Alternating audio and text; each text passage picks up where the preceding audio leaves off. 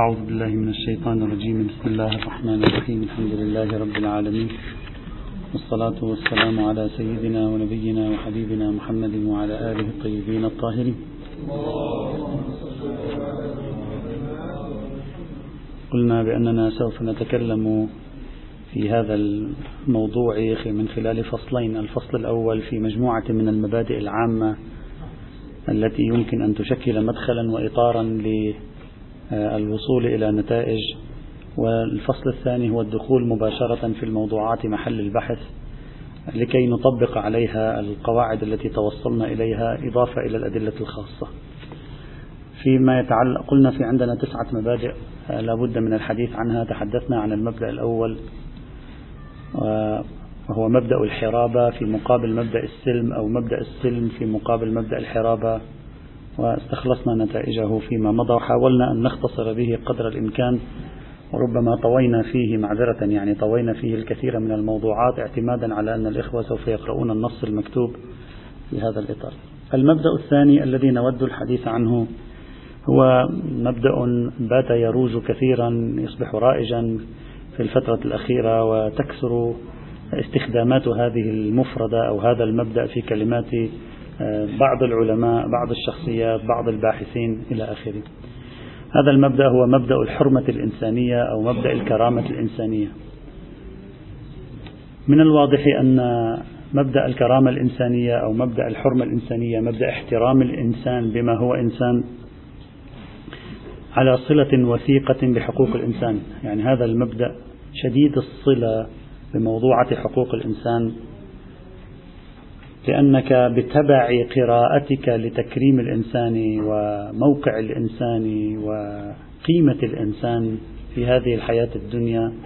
تقوم بالحديث عن حقوقه عن واجباته عن ما له وما عليه وما شابه ذلك.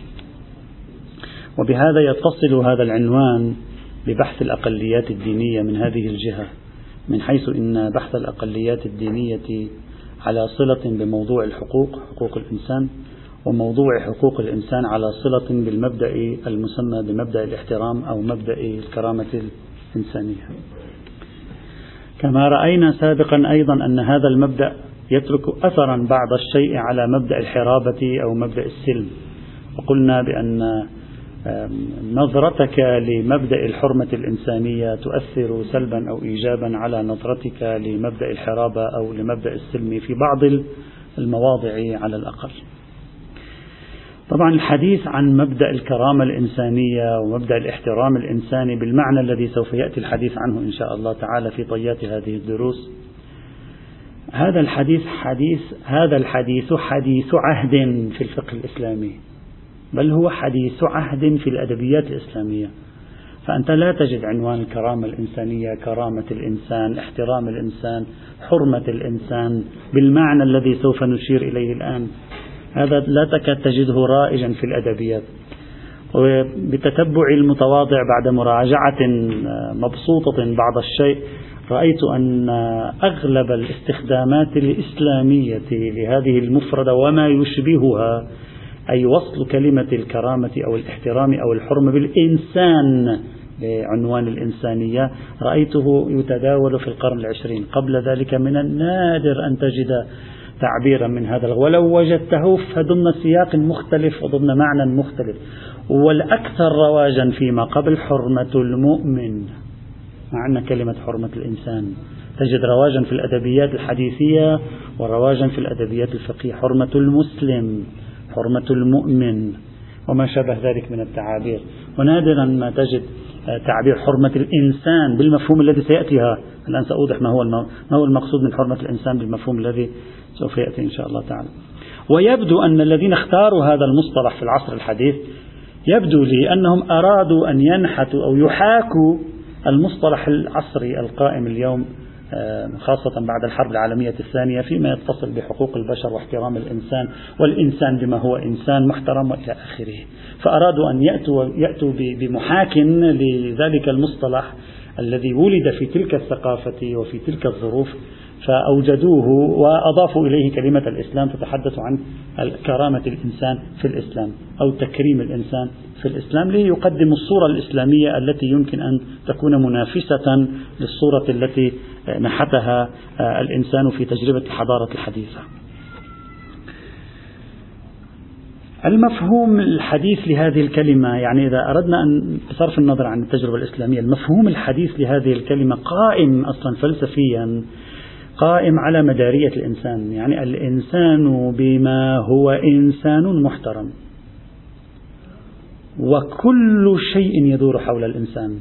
صحيح صحيح. أن فلكيات بطلميوس انهارت وحلت محلها فلكيات العصر الحديث التي جعلت الأرض تدور حول الشمس وليس الشمس تدور حول الأرض ولكن على مستوى العلوم الإنسانية وعلى مستوى الرؤية للإنسان تغيرت الأمور صار كل شيء يدور حول الإنسان بنفسه. في فلكيات بطلميوس كانت كل شيء يدور حول الأرض التي فيها الإنسان تكوينا.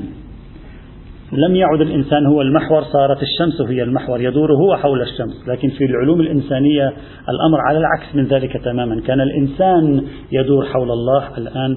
الله وأي شيء تريد أنت أن تفرضه هو الذي يجب عليه أن يدور في مدار الإنسان.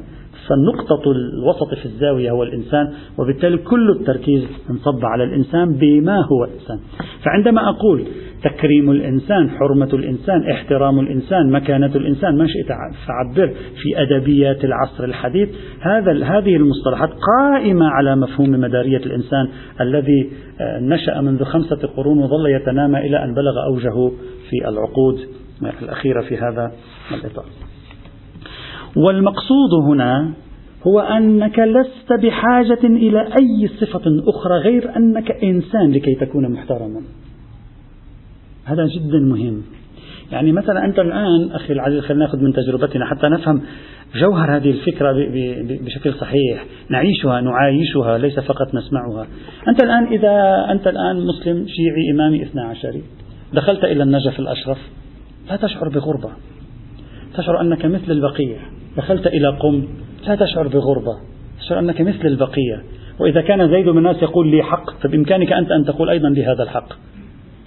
لماذا؟ لأن زيد بما هو آه، مسلم شيعي إمامي اثني عشري يريد أن يأخذ حقا. نفس الخصوصية موجودة عندك أنت بإمكانك تأخذ حق. لكن إذا ذهبت خاصة في عصر الفتنة هذا الذي نعيشه إذا ذهبت إلى بلد سني تشعر بشيء من الغربة.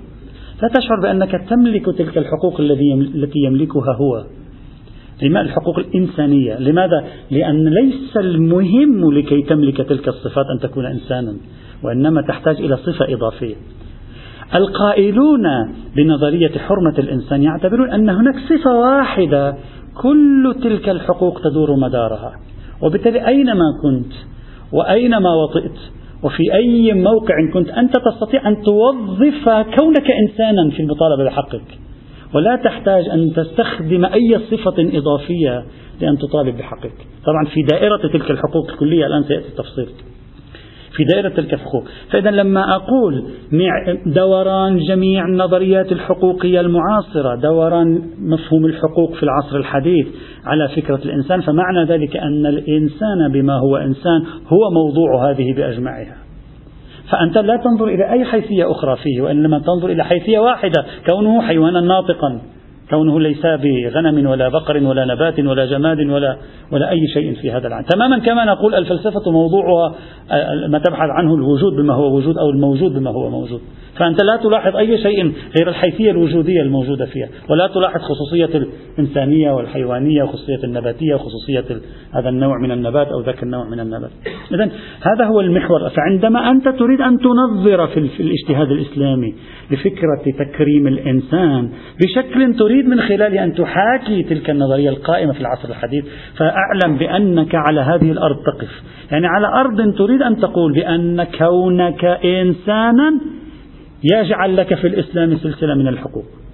إنساننا بما أنك تتسم بهذه الصفة يجعل لك سلسلة من الحقوق. أما كونك مؤمنا هذا بيعطيك شيء إضافي. أما كونك مسلما هذا ممكن يعطيك شيء إضافي.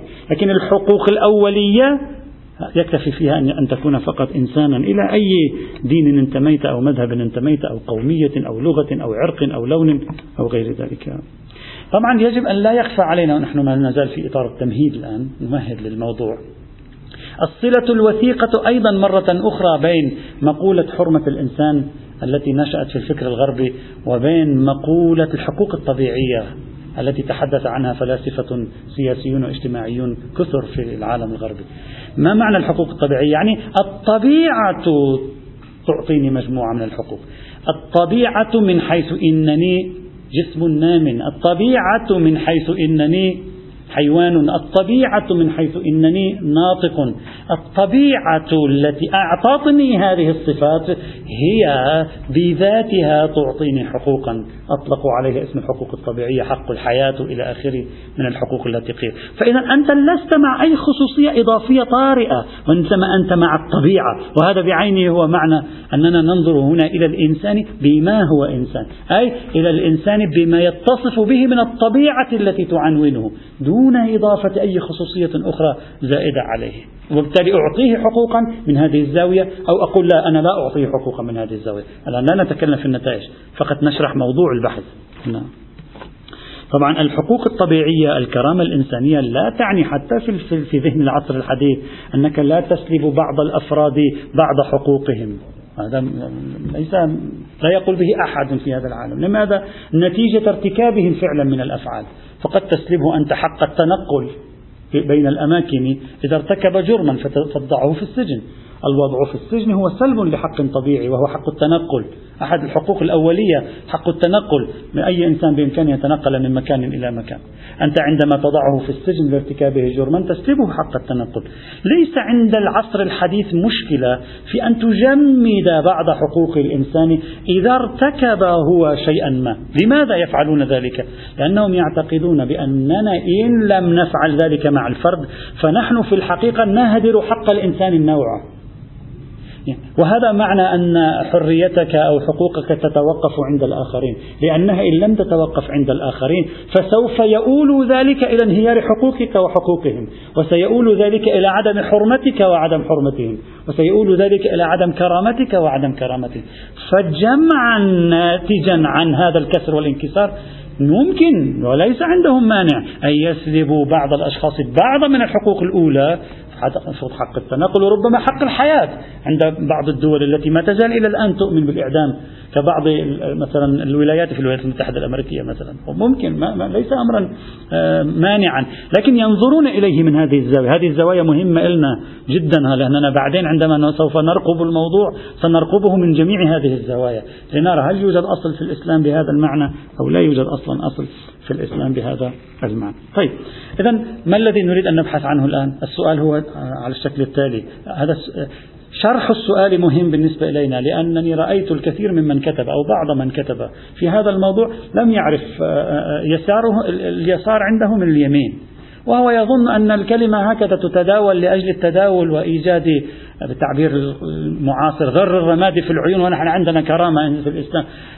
أرجوك لا تبالغ في استخدام الألفاظ. نكون دقيقين. معنى الحرمة الإنسانية معنى مبدأ الكرامة الإنسانية بمفهومه القائم في العصر الحديث أي إنك بصفتك إنسانا تملك سلسلة من الحقوق المتساوية مع جميع البشر. وإذا كان لك من حقوق إضافية فبصفات إضافية لا تخل بالصفات الأصلية وبالحقوق الأصلية. هل في الإسلام هذا موجود؟ يعني اليوم إذا أنا قلت مثلا في الإسلام الأصل في غير المسلم أصلا أن أنه منبوذ أنه يقتل أنه يسبى حتى لو كان طفل صغير حتى لو كان طفل صغير يسبى ويعامل معه معاملة الكافر ما لم يلحق بمسلم يعامل معه معاملة الكافر وهو تحت سن البلوغ ويحكم عليه مثلا مفروض بالنجاسة أو يحكم عليه إلى آخره. عندما أقول أن الإنسان من حيث هو إنسان لا يحظى بخصوصية العيش إلا أن يسلم أو أن يخضع أو أن يعاهد إذا هذا معناه أنني أمام تصادم حقيقي مع مفهوم الكرامة الإنسانية بالمعنى الحديث. لا أريد أن أقول إذا كنا مع تصادم يعني علينا أن نخاف. لا. هكذا وجهة نظر الإسلام. براحتهم. هم بيحبوا يكون عندهم رؤية أخرى لموضوع الكرامة الإنسانية. براحتهم. نحن نبحث في التصور الإسلامي. لا أريد أن أقول هذه الصورة معناه أن يجب علينا أن نخاف وبالتالي يجب علينا أن نطوع النصوص لكي نصل إلى جواب. لا. أنا أريد فقط أن أقول ماذا يراد من السؤال؟ يراد هل الإسلام يعتبر أن الإنسان من حيث هو إنسان ما لم يطرأ عليه عنوان ثانوي. مثل عنوان العدوان على الآخرين مثلا. ما لم يطرأ عليه عنوان ثانوي يملك سلسلة حقوق معتد بها. على الأقل حق الحياة. خليه عايش يملك سلسلة حقوق معتد بها. أو لا. وهذا الذي يجب علينا أن نعرفه. ماذا تعطينا النصوص الدينية؟ ماذا تعطينا الآيات والروايات في هذا الإطار؟ هذا هو محل البحث. هذا مدخل لطرح السؤال فقط.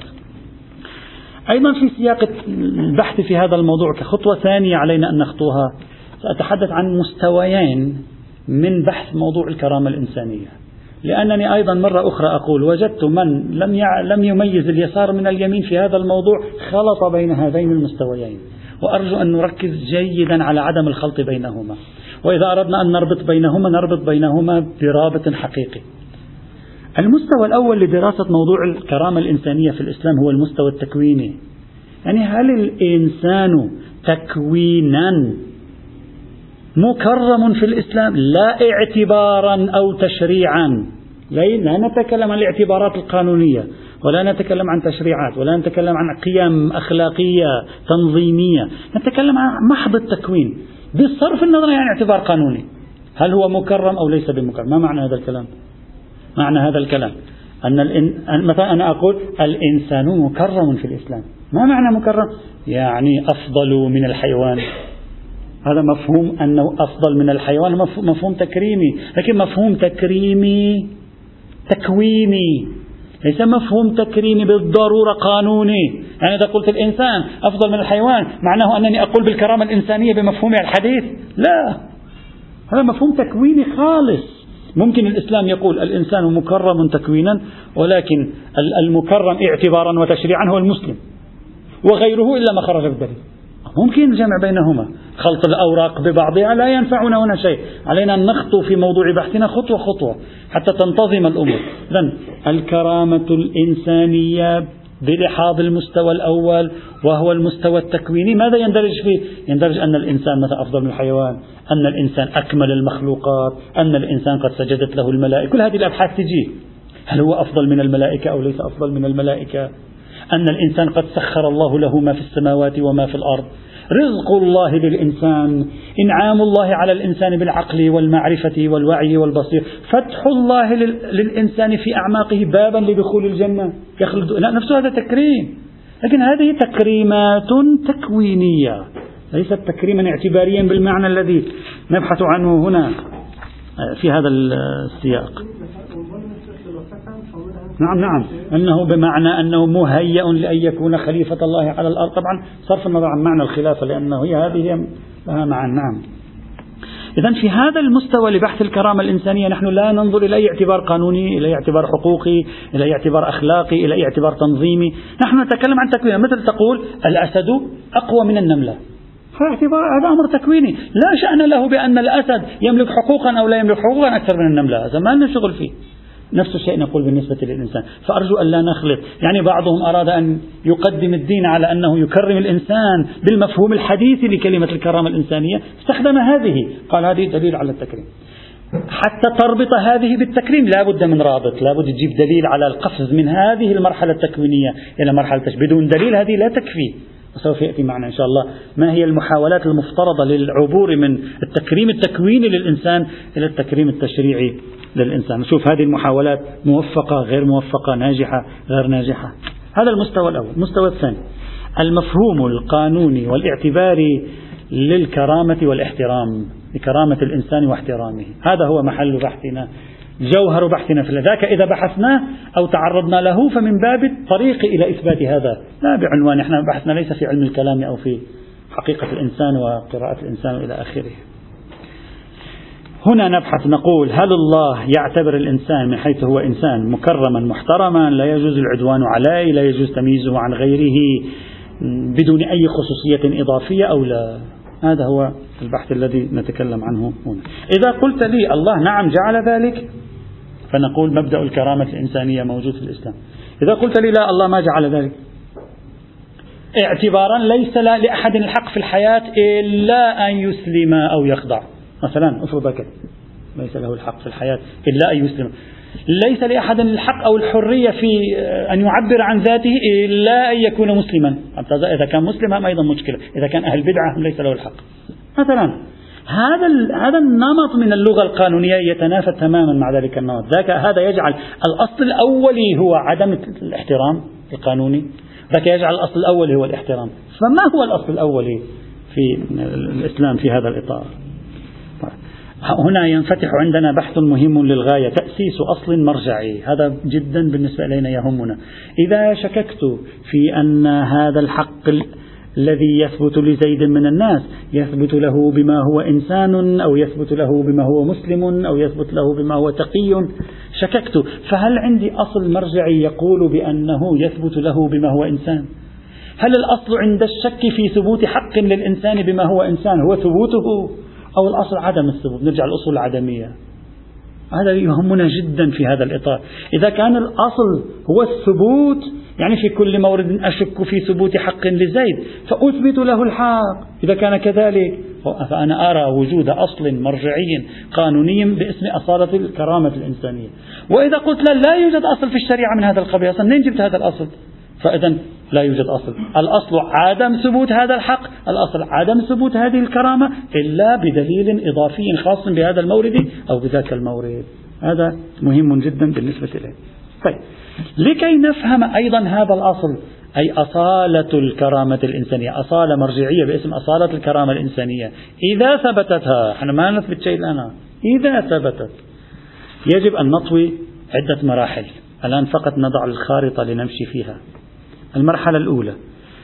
يجب عليك لكي تبحث موضوعا من هذا القبيل أن تفهم رؤية الإسلام للكرامة والحرمة أصلا. هذا أيضا موضوع مهم جدا. أول خطوة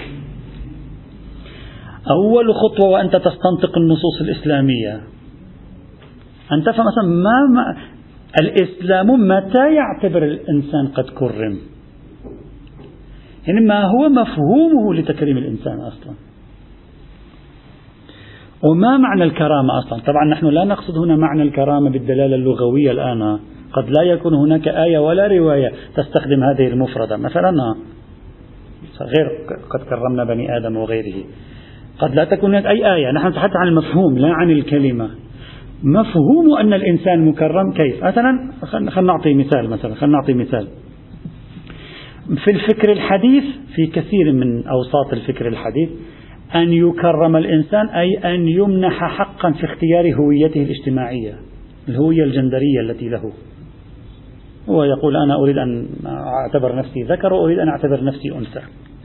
اعتبار أنت لا شأن لك. في الفكر الحديث أن في بعض أوساط الفكر الحديث أن يمنح الإنسان هذا الحق ضرب من تكريمه. هذا حق طبيعي له. هذا مقتضى إنسانيته.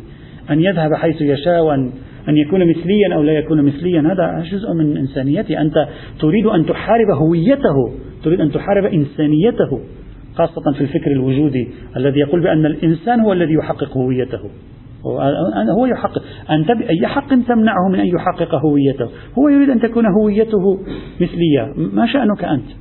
في الفكر الحديث منع مثل المثلية أو الجندرية أو الهوية الاجتماعية. هذا يعد خرقا لكرامة الإنسان.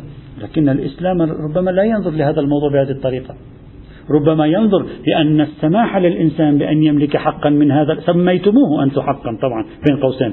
تصوير أن الإنسان بما هو إنسان يملك مثل هذا الحق خطأ. بل هذا الذي تسمونه حق لو أعطي للإنسان سوف يجر الدمار على الإنسان بنفسه. وكما تقولون تتوقف حرية الإنسان وحقوقه عند حدود الآخرين وإلا لو لم تتوقف لانقلب الشيء على على رأسه نفس الشيء نقول هنا ربما نحن يكون عندنا تصور آخر. نحن لسنا ملزمين بتصوركم.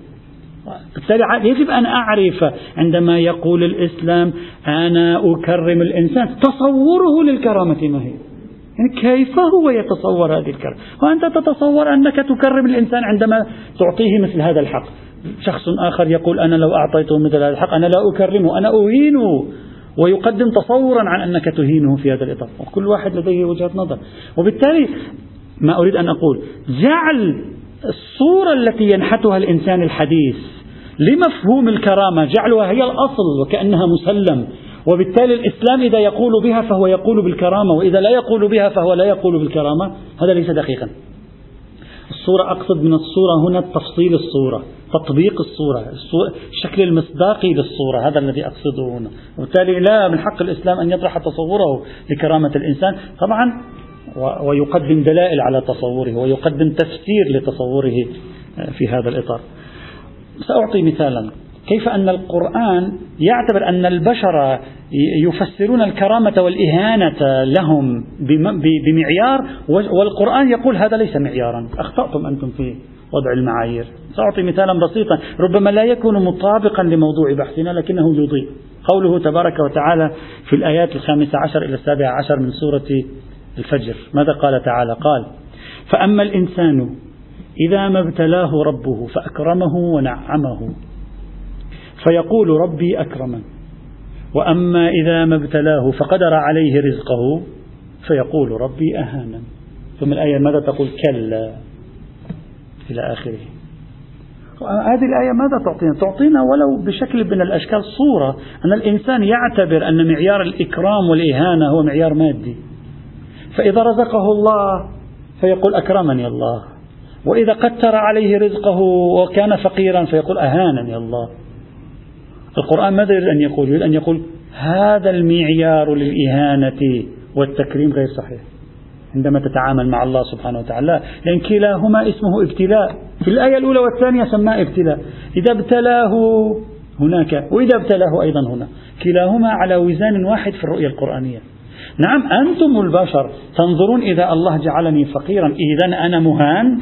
هذا حسابكم وهذا حساب خاطئ. أبدا. عند الله لا أنت لست مهانا إذا كنت فقيرا. ولست مكرما بالضرورة إذا كنت غنيا. قد تكون مهانا بغناك وقد تكون مكرما بفقرك. إذا الآية تريد أن تعطيني أيضا إضاءة على أن معايير البشر في بعض الأحيان في استنتاج الكرامة والإهانة معايير غير صحيحة. وبالتالي عليكم أن تغيروا المعايير الموجودة في أذهانكم لكي تطبقوها على أرض الواقع. لذلك قال تبارك وتعالى في الآية 35 من سورة الأنبياء كل نفس ذائقة الموت ونبلوكم بالشر والخير فتنة. ما قال نبلوكم بالشر فتنة. الشر والخير كلاهما فتنة. الشيء الذي يؤذيك فتنة والشيء الذي آه، يدغدغ مشاعرك فتنة. الراحة فتنة والمتاعب فتنة. الرؤية عندما تريد أن تنظر لرؤية القرآن الكريم لكرامة الإنسان وما هو معيار أنني أكرمه وأنني أهينه؟ يجب أن تأخذ النص القرآني هو كيف يفسر الكرامة؟ لا أن تأتيني بتعريف لتكريم الإنسان من خارج النص القرآني وتقول لي بدون هذا التعريف أنت لا تكرم فلننظر أولا كيف يفسر النص القرآني الكرامة؟ ما هي معاييره ضمن رؤيته الوجودية الشاملة؟ ونقول هل يؤمن بمبدأ الكرامة؟ وإذا كان يؤمن فما هو مبدأ الكرامة عنده؟ وما هي أجزاء تعريفه؟ وما هي عناصره الأساسية؟ هذه أول خطوة وهي خطوة مهمة بالنسبة لذلك. ورد في الحديث المرسل عن الرسول صلى الله عليه وعلى آله وسلم وفي بعض المصادر نسب هذا الحديث إلى الإمام علي عليه السلام أنه قال إن البلاء للظالم أدب. يعني الظالم إذا نزل عليه البلاء فهو يؤدبه الله. نفس البلاء شيخنا لاحظ الرواية نفس البلاء الآن سيتصف بعدة صفات. يعني سيتعنون معنويا تقويميا إذا أردت أن أقومه بعدة تقويمات. يقول للظالم أدب. وللمؤمن امتحان لم يعد أدب. هو نفسه هو بعينه.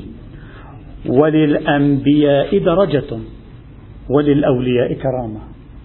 يعني نفس الحدث بظاهره المادي لكن بمعنى يعني عندما تذهب إلى المعنى تجد معاني متعددة. هذا ما معنى؟ معناه أنه لا يصح لكم أن تفسروا الأشياء بمادياتها وإنما خلف هذا الجانب المادي ممكن أن تكون عدة معاني متناقضة. ولذلك نقول دائما يا جماعة عندما يضرب زلزال في في مكان ما بيعجبكم لا تقولوا الله غضب. وعندما يضرب زلزال في مكان بيعجبكم لا تقولوا الله يبتلي ويمتحن ما نعرف الوضع. كل الاحتمالات مفتوحة نفس الفعل قابل لعدة تفاسير. فلا يصح التألي على الله والتقول على الله ما لم يخبرنا الله سبحانه وتعالى بما هو المعنى لهذا الحدث المادي هنا أو هناك. إذا هذه المرحلة الأولى. إذا فهم تعريف الإسلام لكرامة الإنسان عناصر هذه الكرامة ومفهوم هذه الكرامة. المرحلة الثانية. فهم الإسلام أيضا. رؤية الإسلام أيضا للمبررات التي تسمح بسلب الكرامة عن الإنسان. وأن قبل قليل قلنا بأنه حتى في الفهم الحديث في بعض الأحيان أنت تسلبه بعض حقوقه وتخرج منه بعض ما يستحقه من كرامة. لماذا؟ لأجل الحفاظ على تكريم النوع. وأيضا لابد أن نعرف الإسلام عندما يقول فلان مكرم أولا وبالذات ليس مكرما ثانيا وبالعرض ثانيا وبالعرض ما هو؟ مبررات سلب التكريم ما هي؟ هذا لابد أن نعرفه حتى نفهم النظرية لنعرف هل يوجد مبدأ الكرامة في الإسلام أو لا وإذا يوجد فالعناوين الطارئة عليه ما هي؟ كثيرة قليلة ما هي؟ هذا أيضا لابد لنا أن نفهمه في هذا الإطار. وبالتالي يمكن الإسلام يعتبر أن الإنسان مكرم مثلا أفرض الإنسان الإسلام يعتبر الإنسان مكرم ما دام لم يعاند الحقيقة. فإذا عاند الحقيقة فليس بمكرم. فرضنها لماذا؟ لأن معاندة الحقيقة سلوك جرمي يصنف في الإسلام. مثل مثل ما تقول سرقة مال شخص آخر سلوك جرمي بالنسبة إليك فيستدعي منك أن تسلبه بعض حقوقه التكريمية. نفس الشيء. لعل, لعل الإسلام يعتبر أن المعاندة للحقيقة الدينية المعاندة لا أقول عدم الاعتقاد المعاندة للحقيقة الدينية تصنف كجرم وبالتالي هذا الجرم يبرر سلب هذا الشخص بعضا من حقوقه التي كان يمكن أن يأخذها لولا معاندته مثلا. كما قلت مرة أن موضوع القاصر والمقصر كيف بدأ في الفترة الأخيرة يترك تأثيره على الفقه. أعطيت مثال قلت مثلا الشيخ الصانعي يعتبر أن النجس الكافر نجس. نجاسته إن كان مقصرا إن كان قاصرا فليس بنجس. وهذا ربما ينسجم مع هذا النوع من التفكير. ربما يقول لك الإسلام حينئذ لو صحت هذه الفتوى يقول لك الإسلام أنا إنما أحكم بنجاسته لمعاندته للحق. وبالتالي أصنف ذلك كجرم. هلا أنت ما بتصنفه كجرم براحتك. أنت لك رؤيتك الفكرية أنا لي رؤيتي الفكرية. أنا عندي أولوياتي. نحن لا نريد الآن أن نبرهن صحة الإسلام وتقدمه على الفكر الحديث. نحن ليس بحثنا في هذا. نحن بحثنا في رؤية الإسلام بنفسه ما هي للموضوع؟ المرحلة الثالثة وهي أيضا مرحلة تكميلية يجب رصدها لفهم هذا الموضوع وهو المفاضلات التي يمكن أن يضعها الإسلام زائدا عن الحقوق التكوينية الحقوق الإنسانية التي يستدعيها التكوين من وجهة نظره وممكن كما أنت مثلا تكرم المعلم في المجتمع بما لا تكرم به غيره. وكذلك الإسلام قد يكرم شخصا يتصف بصفة إضافية زائدة عن مجرد إنسانيته ولا يكرم غيره الذي لا يتصف بهذه الصفة الإضافية. مع محافظة الجميع على كرامتهم من حيث الإنسانية. وممكن أيضا هذا متصور أيضا في الإسلام. ليس أمرا غريبا أو مستحيلا. سأعطي فقط أربع خمس نماذج. قرآنية يفاضل فيها الإسلام بين قرآنية وغير قرآنية. يفاضل فيها الإسلام بين الأشخاص بخصوصية زائدة عن محض إنسانيتهم ممكن لا بأس. وإن كانت هذه المفاضلات ربما يكون أغلبها أخروي لكن تعطينا إضاءة على الموضوع. مثلا المفاضلة بمستوى السلوك الإيماني. إن أكرمكم عند الله أتقاكم. القرآن يقر هذه المفاضلة. يقول مستوى السلوك الإيماني عند الأشخاص يعطي الإنسان أكرمية زائدة عند الله. وبالتالي مبدأ الكرامة مبدأ تشكيكي وليس بمبدأ متواطئ. أو يشكك. ليس من الضروري أن ترتكب جرما. قد لا ترتكب جرما تكون متقيا. لكن إذا كنت أكثر تقوى فممكن تأخذ أيضا محفزات. ممكن تأخذ محفزات. لا مانع. هذا ممكن تصوره. وبالتالي جزء من تصورنا لتكريم الله للإنسان أن نتصوره يكرم الإنسان بما هو إنسان وأن نفهم أيضا أنه قد يعطي تكريمات إضافية للإنسان لا من حيث هو إنسان بل من حيث هو أتقى. وهذا أيضا ينبغي أن نعرف أن القرآن أقر به. المفاضلة بالعلم. كما جاء في قوله تعالى أمن هو قانت أناء الليل ساجدا وقائما يحذر الآخرة ويرجو رحمة ربه قل هل يستوي الذين يعلمون والذين لا يعلمون. طبعا بصرف النظر ما مراد من العلم هنا لأن حسب حسب نظرية المفسرين إذا المفسر يريد أن ينفتح على العالم كله يطلق كلمة العلم هنا. إذا المفسر له رؤية داخلية جدا فيقول المراد من العلم هنا علم يرتبط بذلك العالم. يرتبط بالنظرة الغيبية. لا مطلق العلم واحد جاي حافظ لي أشعار. شو أسوي له إذا حافظ لي أشعار أنا يعني. مثلا لذلك ورد عن النبي قالوا فلان دخل المسجد فرأى شخصا يلتم حوله الناس فقال من هذا؟ قالوا علامة. قال وما يعني علامة علمه؟ علامة يعني كثير العلم. والتشديد العلامة يدل على المبالغة والتاء المربوطة في آخر كلمة علامة أيضا تعبير عن مبالغة. فهامة للمبالغة. فقال وما علامة علمه قالوا علامة علمه يعرف أنساب العرب وقبائل العرب وإلى آخره. قال علم لا ينفع وجهل لا يضر. لا صرف النظر صحت الرواية أو لم تصح الرواية مثلا. لكن هل المراد من العلم في هذه الآية علم خاص؟ هل المراد من العلم علم عام؟ هل هو في إطار محدد؟ والإسلام طرح موضوع العلم النافع والعلم غير النافع مثلا. أيضا مثلا في موضع آخر وضع القرآن موضوع المفاضلة بالجهاد. قال لا يستوي القاعدون من المؤمنين غير أولي الضرر والمجاهدون في سبيل الله. هنا لم يقل أولئك القاعدون اللي هم غير أولي الضرر يعني ليس بعاجز عن القتال لكنه جلس في المدينة. يقول لا يستوي هو والمجاهد لكن هذا القاعد ليس عاصيا. هذه الآية لا تريد أن تقول القاعد عاصيا لا تتكلم عن صورة عصيان القاعد. عصيان القاعد بحث آخر. لا تتكلم عن قاعد لم يعص الله بقعوده. ومجاهد أطاع الله بجهاده. تقول لا يستوي هذا مع هذا. شو الدليل؟ يقول لا يستوي القاعدون من المؤمنين غير أولي الضرر والمجاهدون في سبيل الله بأموالهم وأنفسهم. فضل الله المجاهدين بأموالهم وأنفسهم على القاعدين درجة وكلا وعد الله الحسنى. يعني وكل يعني القاعد والمجاهد وعده الله الحسنى، لكن فضل هذا على هذا، مما يشير إلى أن المراد بالقاعد هنا ليس ليس القاعد العاصي، وإنما القاعد غير العاصي. وفضل الله المجاهدين على القاعدين اجرا عظيما، اذا هذا تفضيل بحيثية الجهاد. ليس سلب تفضيل بحيثية المعصية والقعود، وإنما تفضيل زائد بحيثية الجهاد. أيضا المفاضلة بالدعوة شوف القرآن الكريم أيضا. هذا موضوع المفاضلات آه، يركز عليها القرآن الكريم وفي الحديث أيضا كثير منها. قال تعالى وضرب الله مثلا رجلين أحدهما أبكم لا يقدر على شيء وهو كل على مولاه أينما يوجهه لا يأتي بخير.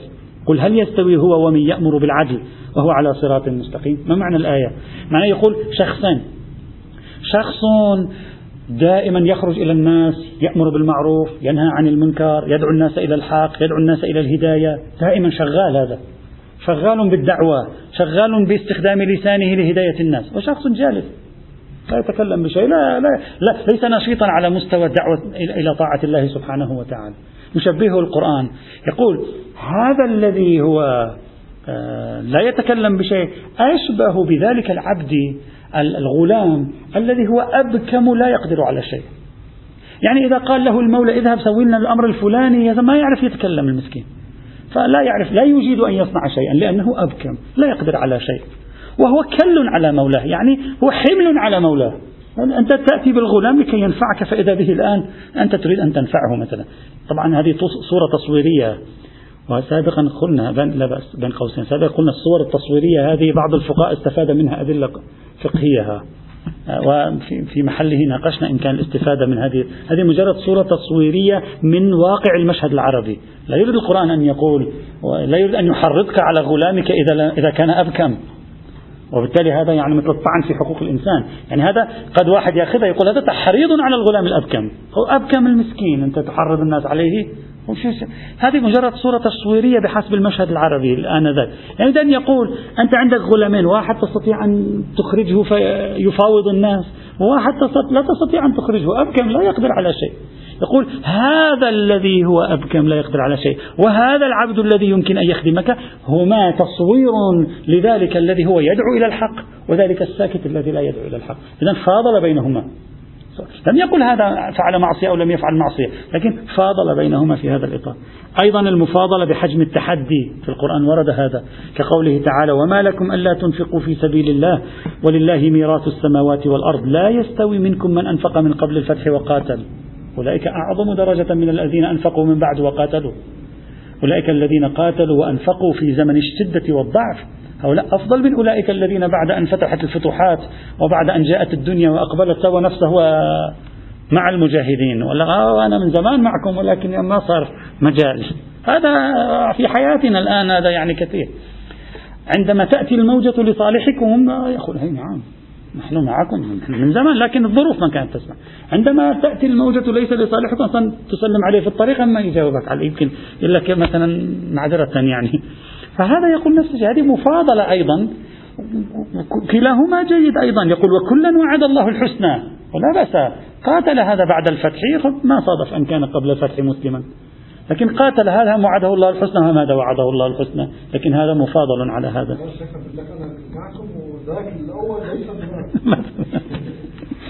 كذلك المثال الأخير أذكره فقط لنوضح هذه الصورة في هذا المدخل المفاضلة أيضا في الزاوية الانتمائية. ممكن كل الناس يملكون حقوقا بما هم ناس لكن إذا أضيف إليه خاصية الإيمان يمكن يملك حقوق إضافية. ولذلك إما نظير لك في إما أخ لك في الدين أو نظير لك في الخلق. الجملة التي يقول الإمام علي في وصيته لملك الأشتر أو في آه، رسالته يقول وأشعر قلبك الرحمة للرعية والمحبة لهم واللطف بهم ولا تكونن عليهم سبعا ضاريا تغتنم أكلهم فإنهم صنفان إما أخ لك في الدين وإما نظير لك في الخلق. أعطى رتبة الأخوة. ذاك أعطى رتبة النظارة.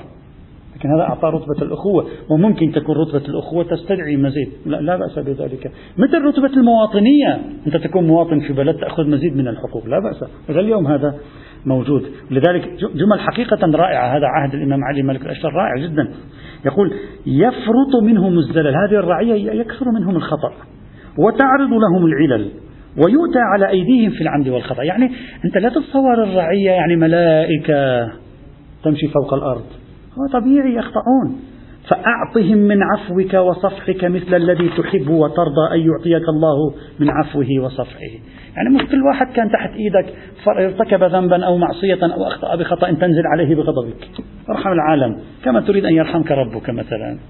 إذا الخلاصة ثلاث مراحل لبحث هذا الموضوع. إذا عندنا مستويين مستوى التكويني وهذا ليس هو مقصودنا أولا وبالذات. المستوى التشريع القانوني وهذا هو مقصودنا أولا وبالذات. في المستوى التشريعي ثلاث مراحل لا بد أن نطويها. ليس نطويها يطويها البحث. المرحلة الأولى أصل مفهومه للتكريم والإهانة ثانيا العناوين الطارئة التي تسمح بسلب التكريم وتحقيق الإهانة ثالثا أصل مبدأ المفاضلة. حتى مع داخل التكريم في هذا السياق. نبدأ غدا إن شاء الله تعالى والحمد لله رب العالمين.